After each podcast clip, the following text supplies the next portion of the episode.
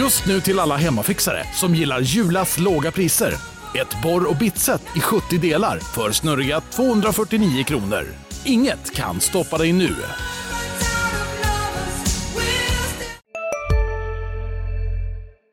Välkomna tillbaka till eh, Sportklubben och det 32 avsnittet av eh, LT Sportens podd om SSK och Hockeyallsvenskan. Jag heter Jakob Sjölin och med mig idag har jag min kollega Anton Gustafsson. Vi har en hel del att prata om eftersom podden har varit eh, på lite längre julledighet än vi hade planerat. Och det gäller ju också SSK som haft eh, Corona i laget och tvingats ställa in fyra matcher. Men nu var man tillbaka igår söndag och eh, vann faktiskt borta mot Bickaskoga. Vi ska prata om det. Vi ska prata om Hugo Gustafssons comeback och ja, alla de förändringar som skett i klubben och laget eh, sedan vi hördes sist. Nu rullar vi ingen.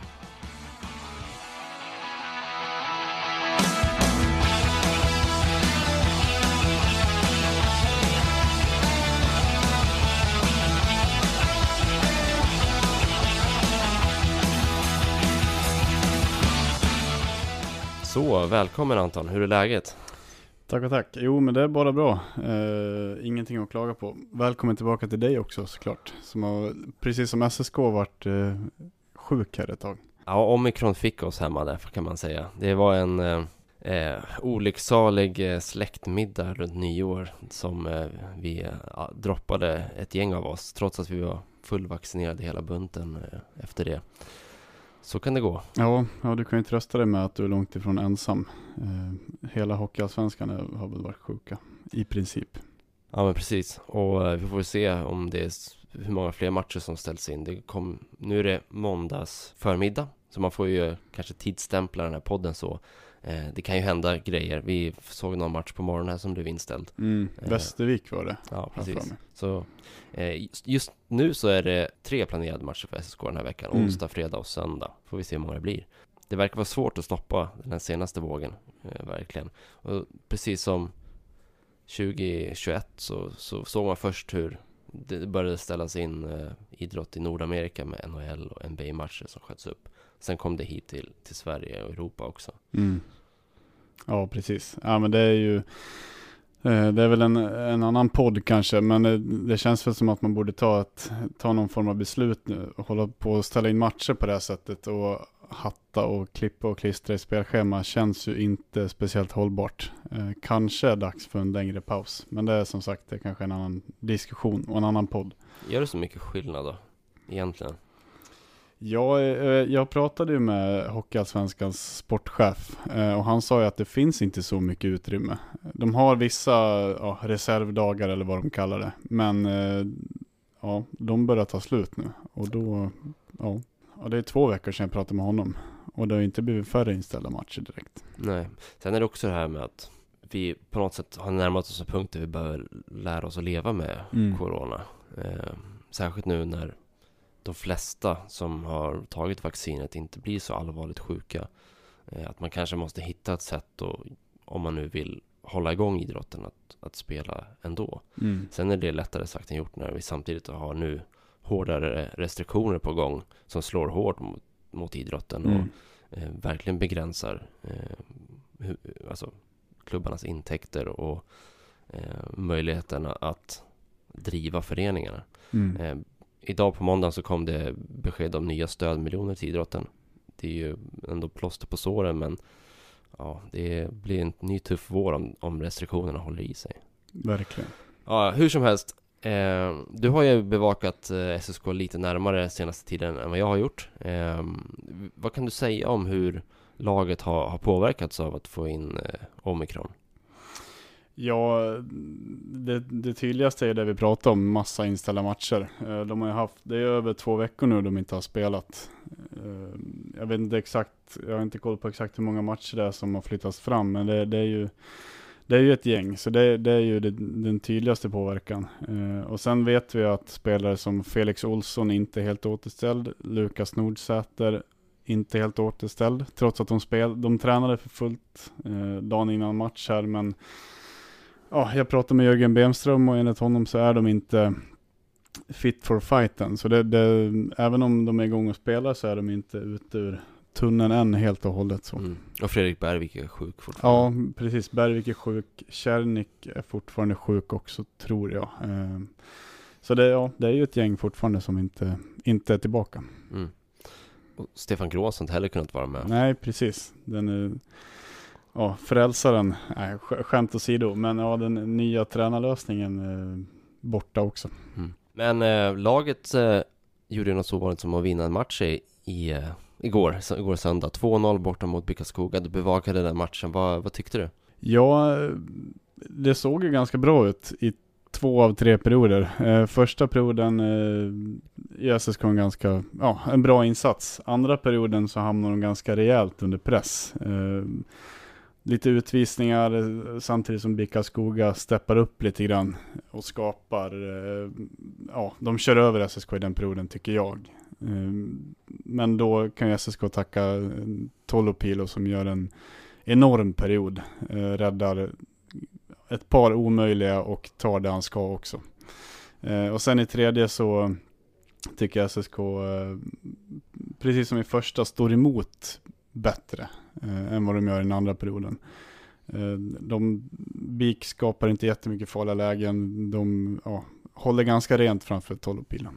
Mm. Och det gör att de lyckas hålla undan och vinna också. Sen när det brann till riktigt, då flyttade han målburen också. Jaha, men precis. Det var, det var ett jäkla gap om det där. Eh, jag såg den bara på tv sådär, så jag, jag vet inte. Men ja, Karlskoga-spelarna var riktigt förbannade vid ett par tillfällen man har, jag har lite svårt att tänka mig att det inte är Att det bara är oflyt. Mm. Vi har ju haft några sådana lägen i, i Scania-rinken när motståndarmålvakter har sparkat av eh, burar och Salin kunde ju göra det också. Mm. Så det, det är inte helt ovanligt att, eh, att man sätter det i halvt och halvt i system. Nej, Men ja, det, det, kanske, det kanske var så, det kanske var dåliga målpeggar i, i Karlskoga Ja, men, vet. men han var ju fantastiskt bra. Ja, men verkligen. Det är ju, tillsammans med den där bortamatchen i Björklöven så är det hans bästa match i, i SSK. Och den här kanske trumfar den till och med, med tanke på att han, han håller ändå nollan. Mm. Eh, nej, men riktigt imponerande. Och han är ju en stor anledning till att, eh, till att SSK vann. Eh. Jag tyckte det var en, det var ju en krigarinsats. Mm. Eh, framförallt får man ju säga. Och i långa stunder en okej okay försvarsinsats ändå. Sen är ju offensiven fortfarande ett sorgebarn. Man får en del skott, visst, i första perioden framförallt och har några chanser här och där, men man tar sig inte in i, i skottsektorn. Jag såg efteråt att eh, det var 3-21 i avslut från slottet. Mm. Så liksom mellan tekningspunkterna så kommer man inte in.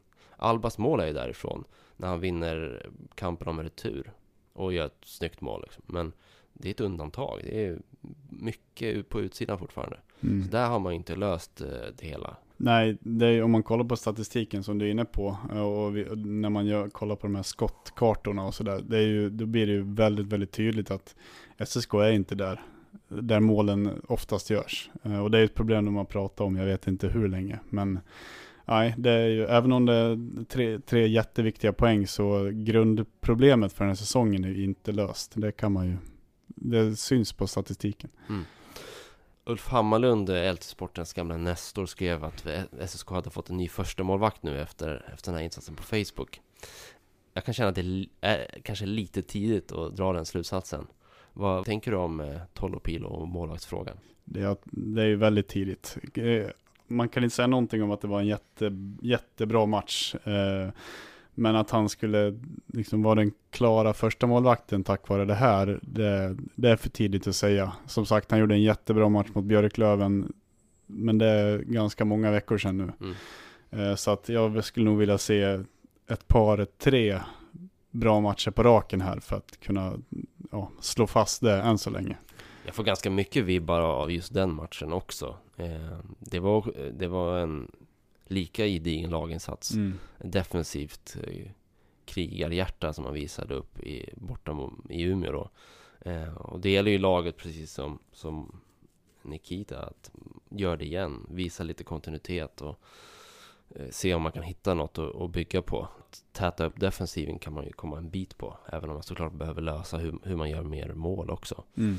Eh, det vore bra om, om någon av målvakterna kan kliva fram här i januari och, och liksom visa att okay, det finns någon att lita på här om det blir ett kvalspel eller liksom bara för att undvika ett kvalspel. Att det finns någon som, som kan vinna matcher. Eh, så där, ur den perspektivet är det ju väldigt välkommet med en sån här prestation. Jag, jag tyckte man kunde ha lite tålamod med, med målvakterna, även om det är såklart, ni har gått tre femtedelar av säsongen nu. Mm. Så det börjar bli ganska gediget arbetsprov på vad de är kapabla till. Eh, och det arbetsprovet ser tyvärr inte så bra ut som helhet. Så det är frågan så okej, okay, om någon får en hot streak här nu på tre, fyra matcher, är det tillräckligt för att man ska vara trygg i att okej, okay, de den här eh, målvakten kan lösa problemen om man nu skulle hamna i en bäst av sju för att överleva. Mm. Eh, det är inte så säkert att man kommer känna sig supertrygg trots allt. För det, det som fick mig att verkligen fundera, det, det är svårt med målvaktsspel att utvärdera eftersom det också är, en, är i relation till hur bra försvarsspelet är och vilka chanser de får emot sig. Så det, det är inte alltid så lätt att, att liksom utröna vad som är hönan och ägget i den diskussionen. Men jag fick se statistik från Sportlogic som har sådana här expected goals against och liksom hur målvakter presterar i förhållande till vilka mål de förväntas släppa in. Inför den här matchen då, så det, Tolopilo lär ha gått upp lite eftersom han höll nollan.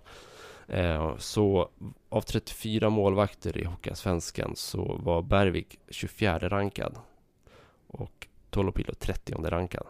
Och det där säger ju någonting om att målvaktsspelet har varit ett problem för SSK den här säsongen. Verkligen. Det, det, är ju det är inte på grund av att båda varit väldigt bra som att de, så att de liksom spelar varannan match i princip. Nej. Det är ju för att ingen av dem har presterat. Exakt. Eh, och nu, nu står man där med två andra målvakter som jag ser det. Mm. Eh, det är ingen av dem, man hoppades att Bergvik skulle ta det här steget som man har, ja, eftersom han har, han har ju några säsonger i SSK nu där han har varit ofta bakom någon annan och nu skulle han ta det steget och bli en, en bra allsvensk målvakt.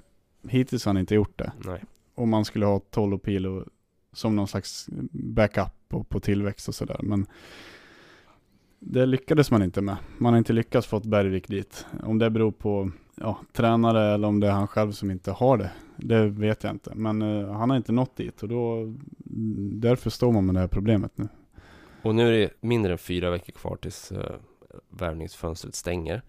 Det verkar ju finnas eh, sponsorresurser runt SSK, mm. givet att restriktionerna kanske förändrar det ekonomiska läget. Men det verkar finnas möjligheter att förändra. Och det gör ju också att jag tänker att under de här närmaste två veckorna så bör man nog ändå förbereda en eventuell målvaktsvärvning. Alltså om det nu inte är så att någon verkligen visar stor form och man tänker att okay, det här är nog något som är hållbart så måste det finnas något, någonting att gå till inför deadline. Så att man inte står där med sju dagar kvar och har panik och känner att man måste hitta någonting snabbt. Sen är det klart att det kanske inte går. Det är många lag som, eller flera lag som har letat målvakt i SHL till exempel och inte löst någonting än. Så det är inte säkert det går, men eh, jag tycker man bör titta på det i alla fall. Ja, jag, jag håller med. Det, det, är en av de positionerna som jag tycker att man bör ja, men gå, in, gå in på för att hitta någonting. Eh, för som du säger, om man hamnar i, i det här negativa kvalet, eller om man nu, det är bara två poäng upp till slutspel, då behöver man någon som kan prestera över tid. Då räcker det inte med de här punktinsatserna som både Bergvik och Tolopil har mm, gjort. Mm. Mm. Det är rätt galet faktiskt att det är så tajt i botten att det är två, två poäng upp till Vita Hästen på sista slutspelsplatsen. Ja. Sen är det ju ett ganska stort gap till nionde platsen. Men alla de här där nere som lagen som slåss för att undvika eh, negativt kval har ju också ett litet halmstrå att spela play-in. Mm. Ja, verkligen. Det, det känns ju galet med tanke på hur, hur dåliga SSK har varit eh, länge. Och ja, hur mörkt det har sett ut och hur mörkt vi har skrivit om dem. Men ändå, ja det är bara två poäng upp till slutspel. Det, ja, det, det, det, känns ju ganska knäppt faktiskt. Det är fler som har tunga säsonger kan man konstatera. Ja, verkligen. Något som också stack ut i matchen här senast, det var ju inte heller på den positiva sidan, men powerplay. Man bränner ett 5 och 3 i två minuter i andra. Där hade man ju verkligen kunnat liksom ta kontroll av matchen tidigare än man gjorde. Mm. Och det är ju tack vare Tolopilo igen. Han, eh, Han glider ut lite och gör så att en, en BIK-spelare åker in i honom. Det var en billig utvisning. Eh, men det är, det är lite rutinerat av Tolopilo att ta den, ta den smällen. För han riskerar ju ingenting själv direkt. Eh, men blir pååkt och sen är det en eh, BIK-spelare som också snackar ut sig. Men SSK gör ju ingenting av de där två minuterna. Det, det är nog något av det sämsta jag sett i 5 mot 3. Ett skott på mål lyckas man få och det är Andreas Hjelm från backplats som skjuter målvakten i magen. Dåligt beslutsfattande, dåligt pucktempo. Nej, det var, ja, det var sorgligt att se faktiskt. Ändå spelar de nästan hela två minuter med samma femma där. Mm. Eh, utan att egentligen byta. Det är frågan, man behöver ju få fart på sitt PP. Det har ju varit svagt egentligen sedan Smith och Lindberg lämnade. Man har inte hittat det. Jag saknar lite målskyttar. Det är många som vill slå passningar och eh, stå och hålla lite i pucken och leta avgörande öppningar. Men det är ganska få som känns som de hotar med för att göra mål. Nej men verkligen. Det, det är ganska många liknande spelare med Pasic, Umisevic framförallt som är två ja, passningsspelare i grunden. Och det är där deras styrkor sitter. Och sen Andreas Hjelm på backplats har ju inte heller liksom det skottet. Utan han vill ju också spela pucken mm. helst. Mm. Mm. Så nej, jag håller med dig. Jag har väldigt svårt att se. Smith var ju någon typ av skytt i alla fall. Eh. Han var ju också främst en playmaker. Ja. Och Pollock fick förvandlas till någon typ av skytt. Fast mm. det kändes också som att han var en passningsspelare. Nej men verkligen. Han, han var ju också bra på att hitta passningarna mm. till någon som stod öppen. Men det var ju aldrig någon som sköt så. Nej men jag, jag, håller helt med dig. Det är väldigt många liknande spelartyper. Så det är frågan hur man formerar det. Det kan ju vara så att det krävs någon slags eh, ytterligare förstärkning med just den, den typen av, av spelare. Eh, nye backen Josef Berger verkar gilla att skjuta och har ett rätt bra klipp i, i skottet också. Eh, han har ju faktiskt eh, spelat eh, i höger cirkel på träningarna, men det var innan Hugo Gustafsson kom tillbaka. Så eh, han skulle kunna vara ett alternativ, annars är ju i princip Albert Sjöberg den skytt som känns naturlig på något sätt. Särskilt nu när eh, det ser ut som att William Haag spelar med träklubbor som du sa, snarare än komposit. Vad han gjorde i 5 och 3 i slutet där, det undrar jag. För att eh, han har ju inte varit het någonstans. Nej, eh, jag, jag tycker nästan, eh, det är ju förminskande kanske, men det, det, känns jobbigt när han får skottlägen. Han, det känns som att självförtroendet verkligen inte finns där. Uh, han, han tänker alldeles för mycket och tänker för länge och så försvinner lägena och så skjuter han ut, ut dåligt läge istället för det bra, det bra läget han hade från början. Mm. Så nej, uh, nej, det är stora problem där.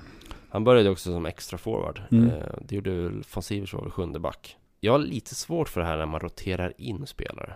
Alltså varför spelar man inte på fyra kedjor och tre backpar bara? Nu blir det att man slänger in folk lite här och där. Särskilt på backparen så har det varit så hela säsongen att det har mixats och matchats och plötsligt så är det lite olika konstellationer. Jag tänker mig att det är svårt att få rytm. Och samma sak liksom, det är ganska otacksamt att komma in som forward och inte ha spelat någonting. Så ja, ah, nu ska du in och ta ett byte. Eh, få mjölksyra efter 20 sekunder och jag, jag ser inte vitsen riktigt med det. För det kan ju inte handla om att man inte orkar. Nej, på forwardsidan håller jag verkligen med. Som du säger, det känns konstigt rent ja, men rytmmässigt och sådär. På backplats igår förstår jag lite mer, det blev ganska mycket boxplay och där spelar Yvonne Sivers mm. och är en ganska viktig del i SSKs boxplay. Eh, så då blev det mer naturligt att han fick spela mer även i 5 mot 5. Eh, men nej, jag, där håller jag väl med dig också. Eh, att det, det känns lite, ja, lite onödigt på något sätt. Ja, man får lite känslan av att man vill bara hålla igång folk.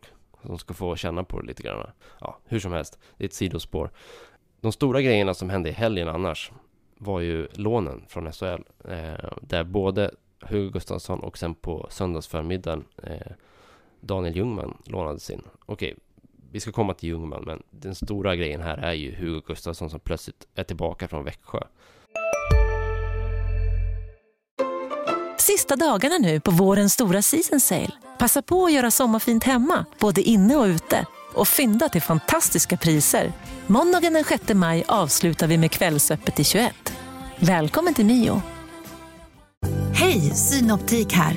Visste du att solens UV-strålar kan vara skadliga och åldra dina ögon i förtid? Kom in till oss så hjälper vi dig att hitta rätt solglasögon som skyddar dina ögon. Välkommen till Synoptik. Jag har diskuterat det lite med så här, eh, ja men både no lite eh, supportrar som har liksom funderat, skulle han kunna komma tillbaks i ett par veckor? Eh, men också med, med eh, reportrar nere i Växjö som jag har liksom hört mig för. Hur går det för honom? Och de har varit riktigt imponerade med hans, liksom, ska man säga, andra halvan av, av säsongen hittills. Eh, så de såg ju inte ett lån komma alls. Men samtidigt så har ju Växjö värvat under säsongen och det har blivit tajtare eh, för, för Hugo att få speltid. Så det här är ju, det, kan inte bli bättre egentligen eh, värvningsmässigt mot vad SSK behöver. Ja, nej, eh, rent vad han kan prestera på isen, absolut. Men, men också symboliken av att den förlorade sonen kom hem på något Han är ju en otroligt populär spelare. Märker man ju på sociala medier och sådär när, när lånet blev klart. Så att det är dels att det är en jättebra spelare, men också symboliken av att få hem Hugo Gustafsson Eh, är jätteviktigt tror jag också. Bara för att få folk till Scania-rinken. Jag, jag, tror på riktigt att han, han drar folk faktiskt. Mm. Även om han bara får vara, det är ju restriktioner och sådär nu. Men jag, jag jättebra lån så. Men det är också ett jätteosäkert lån. Det är match till match och när som helst kan han kallas tillbaka. Eh, och, då, och då försvinner han igen. Så att det är ingen man ska hänga upp några slags hopp på på det sättet. Det läget kan ju spela in att man värvar en till center i Ljungman. Mm. Eh, som kommer in och var med i JVM-truppen. Eh, har spelat J20 och SHL-hockey senaste två säsongerna. Och jag tyckte han såg ganska ja, men rapp ut och, och klok i debuten. Ja, absolut. Eh, jag, jag, tycker han var...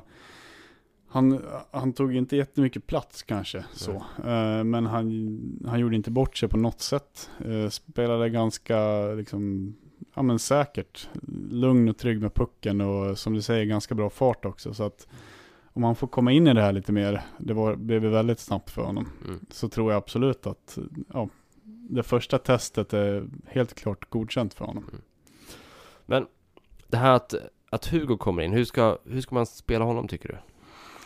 Ja, med tanke på att det är, kan bli hur kort eller hur långt som helst egentligen så, så det är ju inte helt lätt kan jag tänka mig för, för Bemström, Bosic och Gråns då.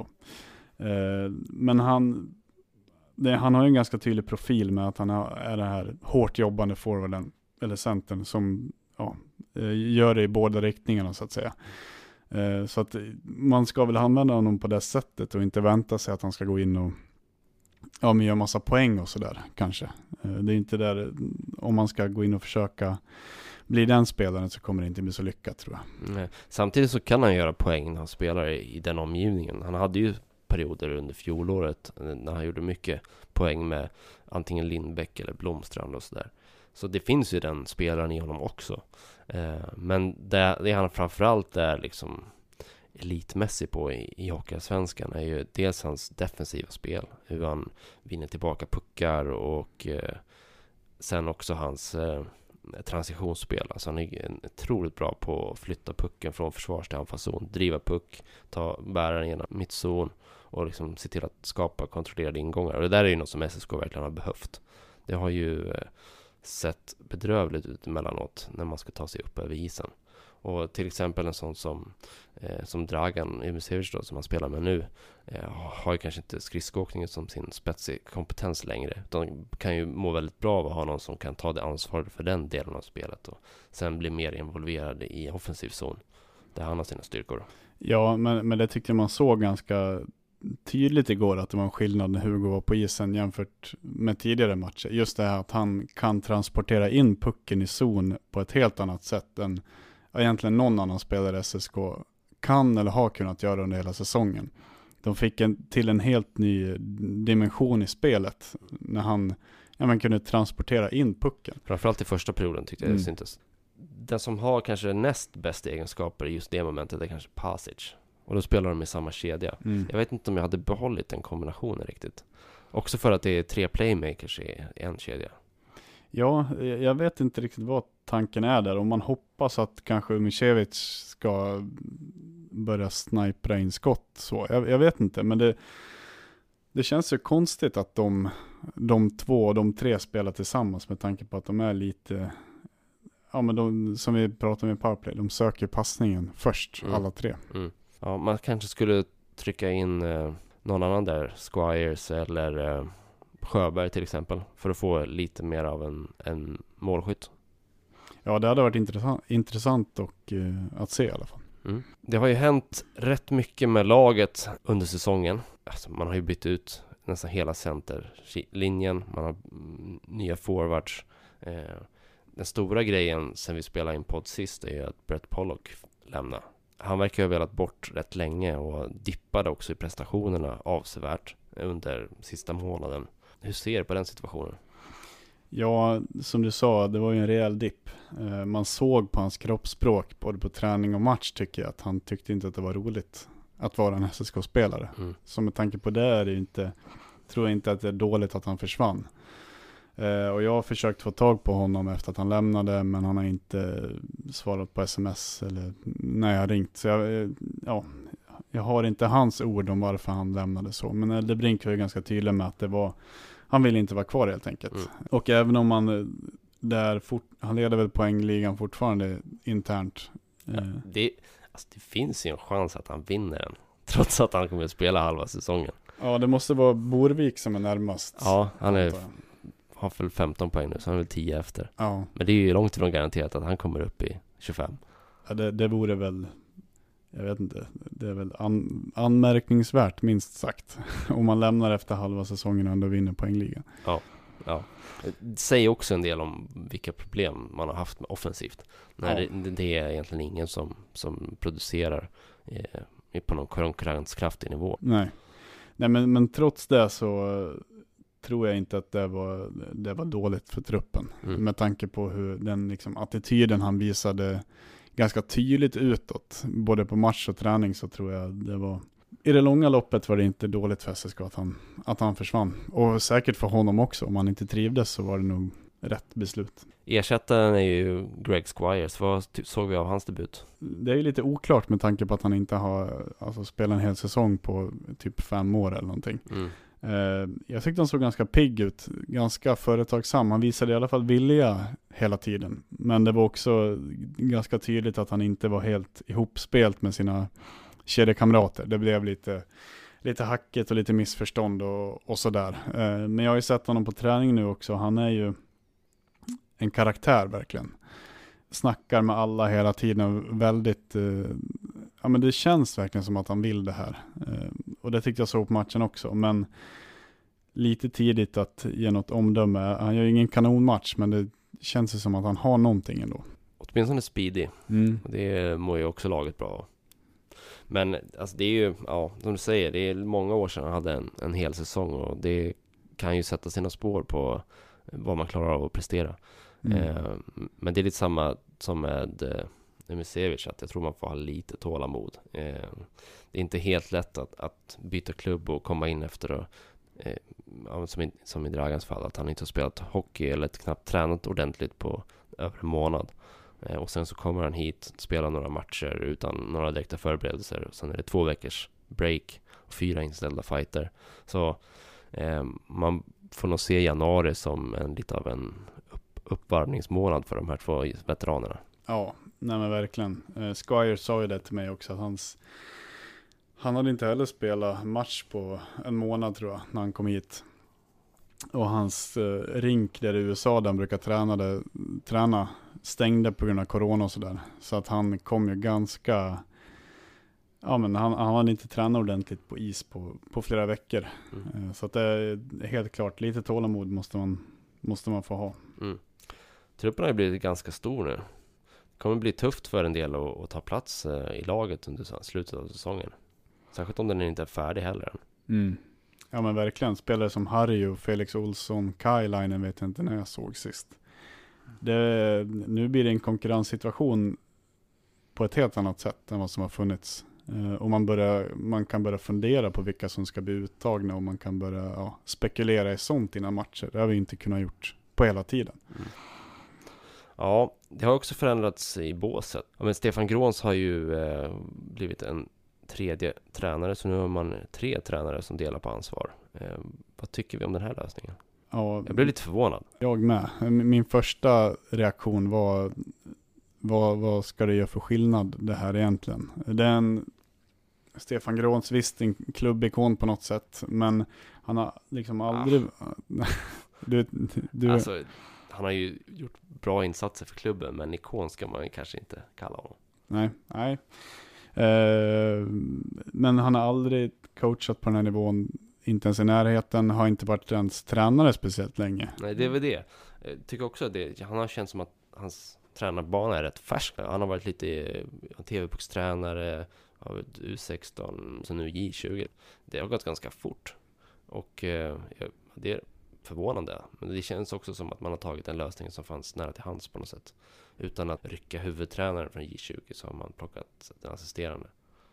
Ja, eh, och som jag sa, min magkänsla och första reaktion var verkligen vad, vad är det här? Vad, vad ska han kunna förändra? Men om man tänker ett varv till så är det väl någon typ av, som man brukar prata inom politiken, signalvärde i det. Att det är det här klubben gör för att visa att nu måste det hända någonting. Mm. Eh, och- och bara förändra saker och förä- försöka förändra dynamiken. Jag antar att det är det som man vill. Att det ska hända någonting i alla fall. Det är ändå rätt anmärkningsvärt att man har en så tung period eh, inför, innan den här matchen då mot Karlskoga så har man förlorat 17 av 20 matcher.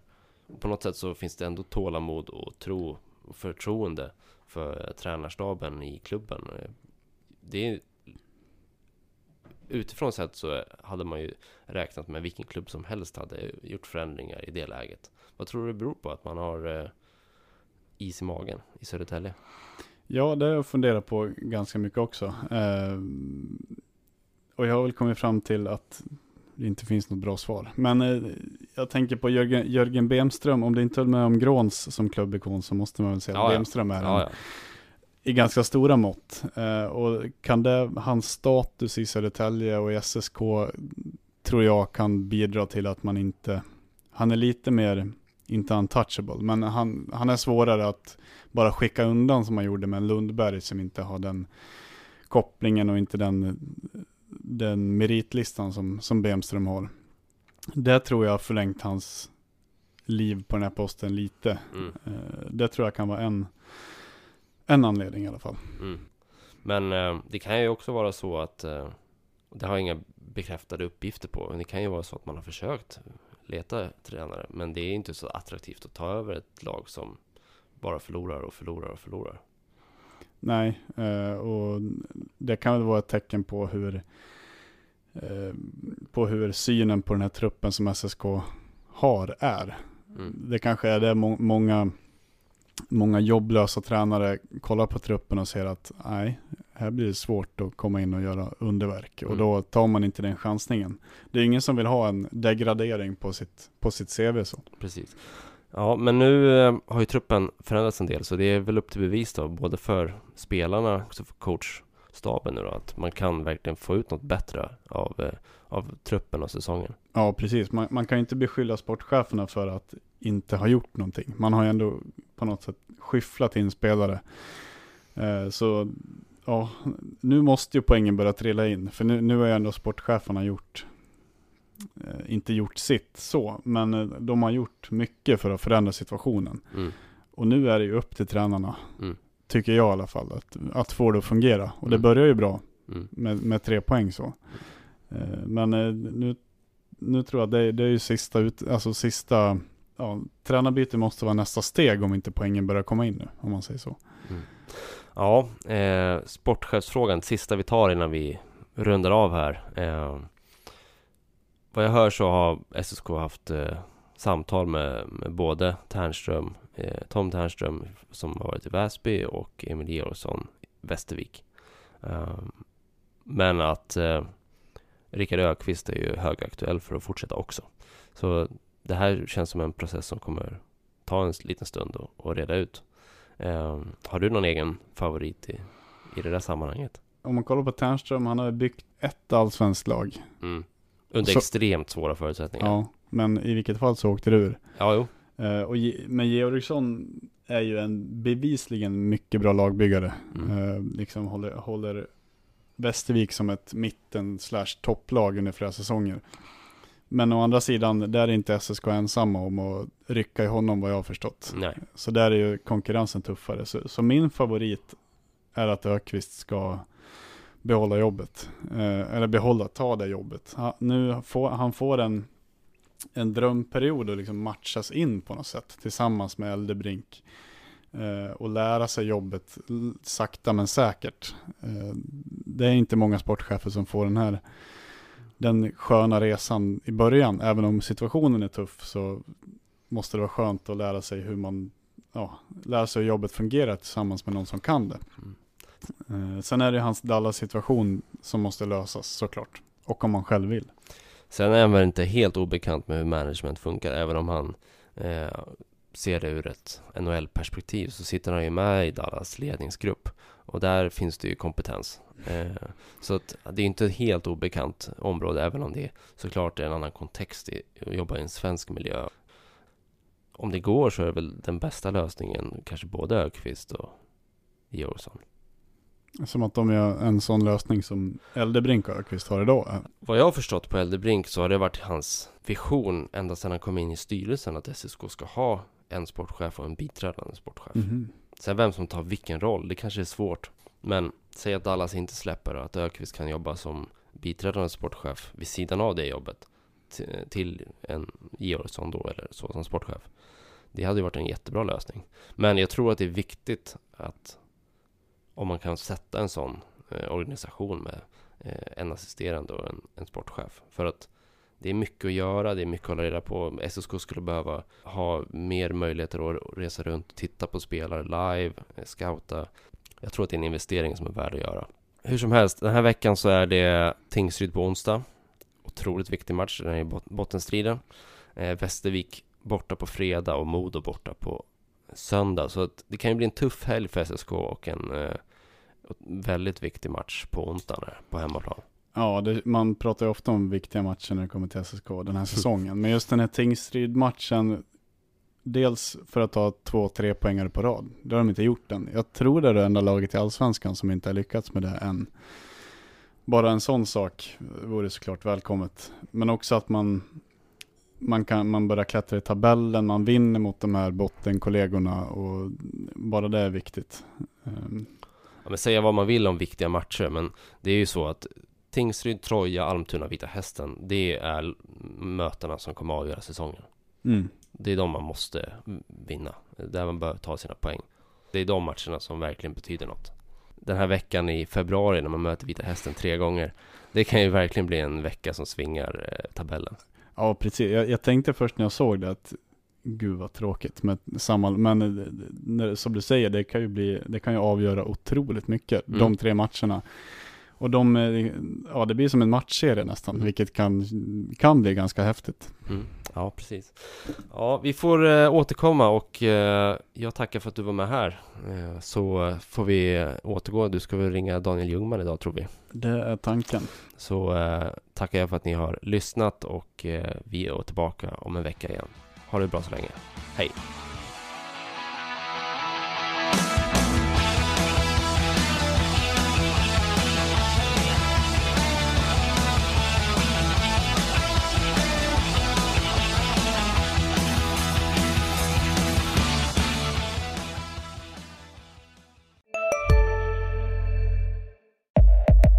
Upptäck hyllade XPeng G9 och P7 hos Bilia. Våra produktspecialister hjälper dig att hitta rätt modell för just dig. Boka din provkörning på bilia.se xpeng redan idag. Välkommen till Bilia, din specialist på XPeng. Ja, Hallå? Pizzeria Grandiosa? Jag vill ha en Grandiosa capriciosa och en pepperoni. något mer? Med kaffefilter. Ja, Okej, ses samma. Grandiosa, hela Sveriges hempizza. Den med mycket på.